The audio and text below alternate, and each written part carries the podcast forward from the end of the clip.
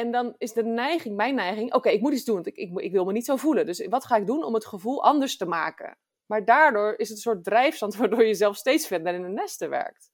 En zij zei dus van, oké, als je niet weet wat je moet doen, doe je dus even niks. Oké, je mag er gewoon zijn. Oké, ik voel me even rot.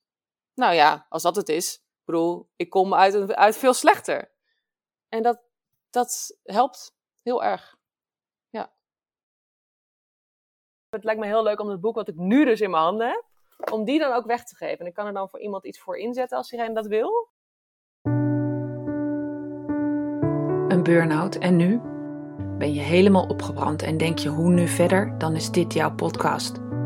Welkom bij de podcast Een Burn-out en nu, waarin ik, Anne Lindenkamp, in gesprek ga met mensen die net als ik een burn-out hebben gehad met de vraag hoe was die periode nou voor jou?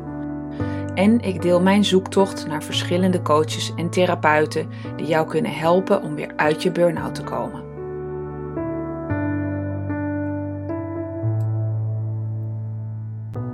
In de vorige podcast was mijn gesprek met Marieke de Goei over burn-out, angst, depressie of wat haar dip ook was en het prachtige boek dat ze daarover maakte. Daarin vergelijk ik de vijf fases van het boek van acceptatie tot weer groeien en bloeien met het veranderproces van Julie Hay.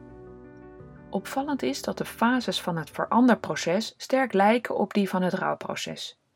Julie Hay vertaalde de rouwcurve van Elizabeth Kubler-Ross over rouwverwerking naar een wat positievere variant, de competentiecurve of het veranderproces. In beide gevallen is er sprake van verlies en wennen aan een nieuwe situatie. Julie heeft hiermee de fases die in de ontwikkelingscycli worden herkend, vertaald naar veranderprocessen. Door je bewust te worden van de fases van een veranderproces, krijg je meer inzicht in het proces waar jij nu doorheen gaat en dat kan je enorm helpen. Het stelt gerust en het geeft houvast om die volgende fase te bereiken. Dat er iets moet veranderen in je leven is je heel erg duidelijk gemaakt, maar hoe je dat moet doen, dat is natuurlijk best wel een uitdaging. Zodra je je ervan bewust bent dat er fases zijn waar je doorheen moet, is het makkelijker om te stoppen met vechten daartegen dan is de stap om je daaraan over te geven vele malen makkelijker. Dat was het tenminste voor mij. Luister naar wat ik meeneem van mijn gesprek met Marieke de Goei. Ik had net het gesprek met Marieke de Goei. Zij heeft het grote Depri-doeboek geschreven. Nou, eigenlijk niet geschreven, het is 100% handgetekend. Het is van prachtig papier en er zitten oefeningen in. Je kan erin schrijven, je kan erin kleuren. Je mag het gewoon lezen. Het is echt geweldig. Ehm, maar wat neem ik nou mee van het gesprek wat wij net hadden? In haar boek beschrijft zij vijf fases die zij doorlopen heeft. Die heeft zij herkend in haar uh, burn-out proces. Ehm, mijn proces herken ik eigenlijk in zeven fases. Dat is de competentiecurve van Julie Hay. Dat is één Verstarring, ontkenning, frustratie en woede, virusaanvaarding, ontwikkeling, zes toepassing en zeven voltooiing. Nou, Marieke heeft vijf fases in haar boek staan en ehm, ik wil je mijn learnings delen. Die competentiecurve van Julie Hay heeft zeven fases en die benoemt eigenlijk de pijnpunten, zoals ik net al eerder opnoemde. En wat Marieke in haar vijf fases benoemt, dat zijn eigenlijk de oplossingen, de antwoorden. En zij neemt je bij de hand door al die stadia die zij beschrijft, net als mijn traject jou ook bij de hand neemt door die stadia. En eigenlijk wat dus overeenkomt tussen haar boek um, en wat zij de mensen wil brengen en deze podcast en wat ik mensen wil brengen, is het gevoel je bent niet alleen. Mensen gaan door deze fases heen. De fases horen erbij. Heb vertrouwen, het komt weer goed. Echt, het komt weer goed. Ik zal je meenemen in de fases die ik doorlopen heb. Voor mij begon het met verstarring. En dat moment was eigenlijk al voor het moment dat ik me realiseerde: dit gaat niet meer zo. Ik wist onbewust, dit gaat niet langer zo. Maar ik had echt geen idee hoe ik eruit moest komen. Dus ik ging werken op de manier zoals ik het altijd gedaan had. Alleen dan even iets harder. Gewoon harder werken, harder weer. Ik wilde heel graag weer snel die oude zijn. maar er was, het resultaat was verstarring. Daarna kwam eigenlijk de ontkenning. Ik, ik noem in de podcast ook heel vaak dat ik, zeker de eerste weken dat ik thuis zat, altijd het gevoel had van ja, ik heb geen burn-out, ik ben gewoon moe.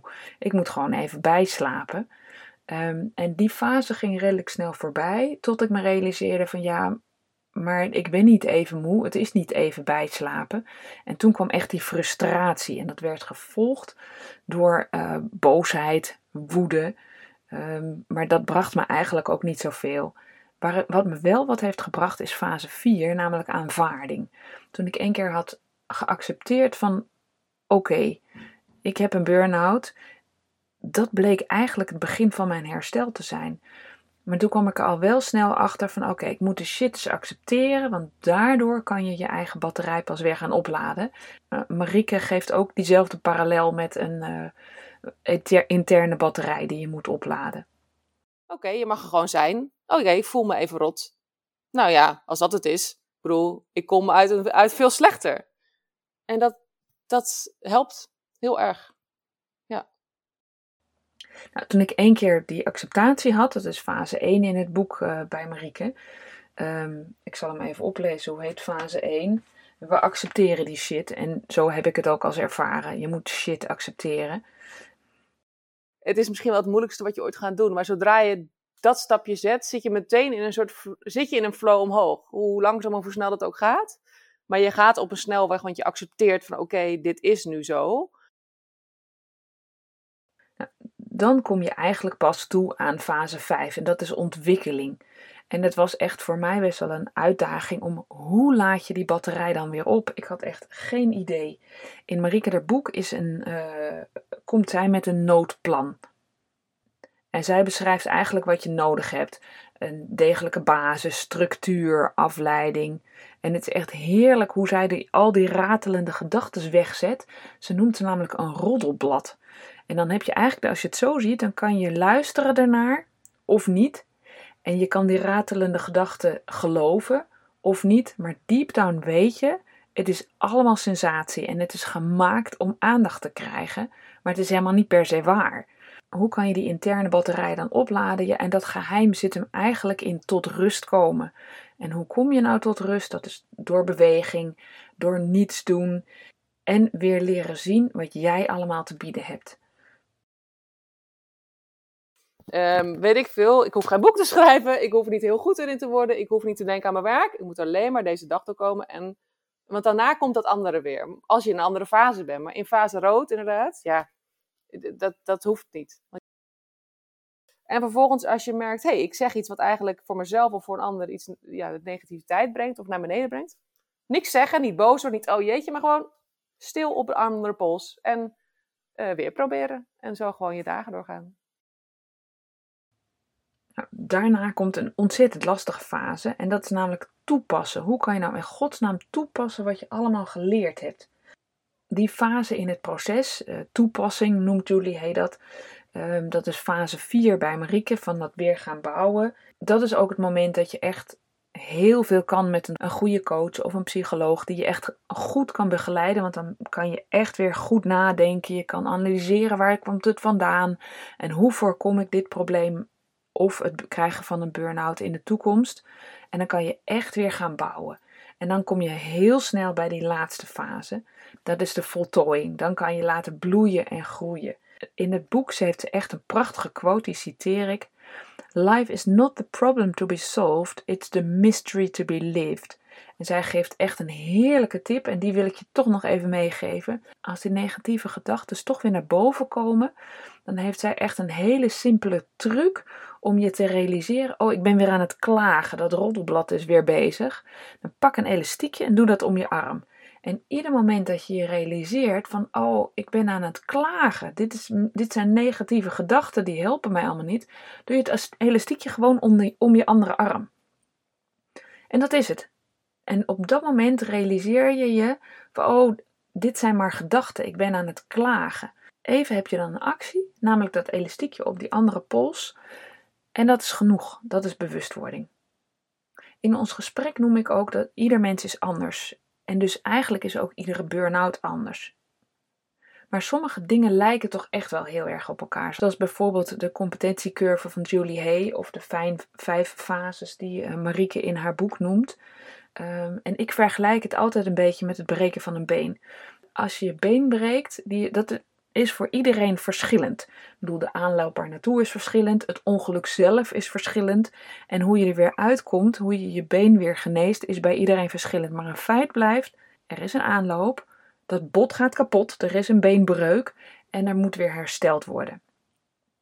Nou is net als bij de, een botbreuk wel de truc om niet als je been gebroken hebt, morgen de marathon te willen lopen. Ik bedoel, iedereen weet dat een bot sneller geneest als het even rust krijgt, als het even kan herstellen.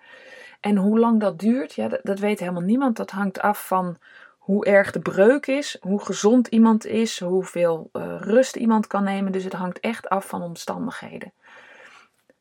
En zo is het eigenlijk bij een burn-out ook. Het hangt heel erg af van de omstandigheden. Hoe ben je erin gekomen?